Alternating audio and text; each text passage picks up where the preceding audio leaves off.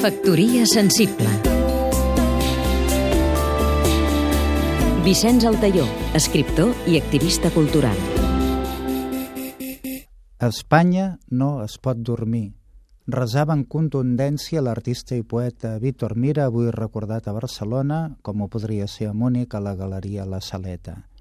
Víctor Mira va ser un dels artistes que reinventaren la pintura a les acaballes de la modernitat – quan l'aire caigué al costat del nihilisme conceptual i es fongueren els ploms.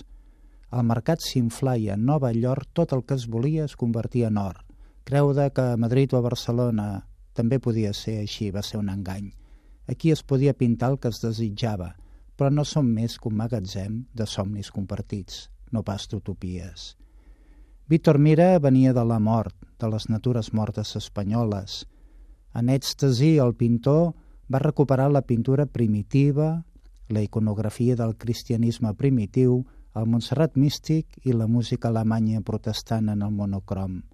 Va lligar el romanticisme centroeuropeu amb el barroc espanyol, però el que va ser pintor sant, venerat internacionalment, l'apòstol del nihilisme passiu, el mag de conceptes fòssils, l'anacoreta corbat, el filòsof hipercondríac, l'exiliat voluntari avui és museu.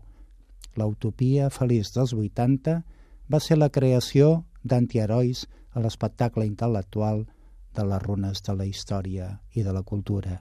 Així ha anat, ha anat a més. Mai hem estat feliços ni infeliços, confessava Mozart. Factoria sensible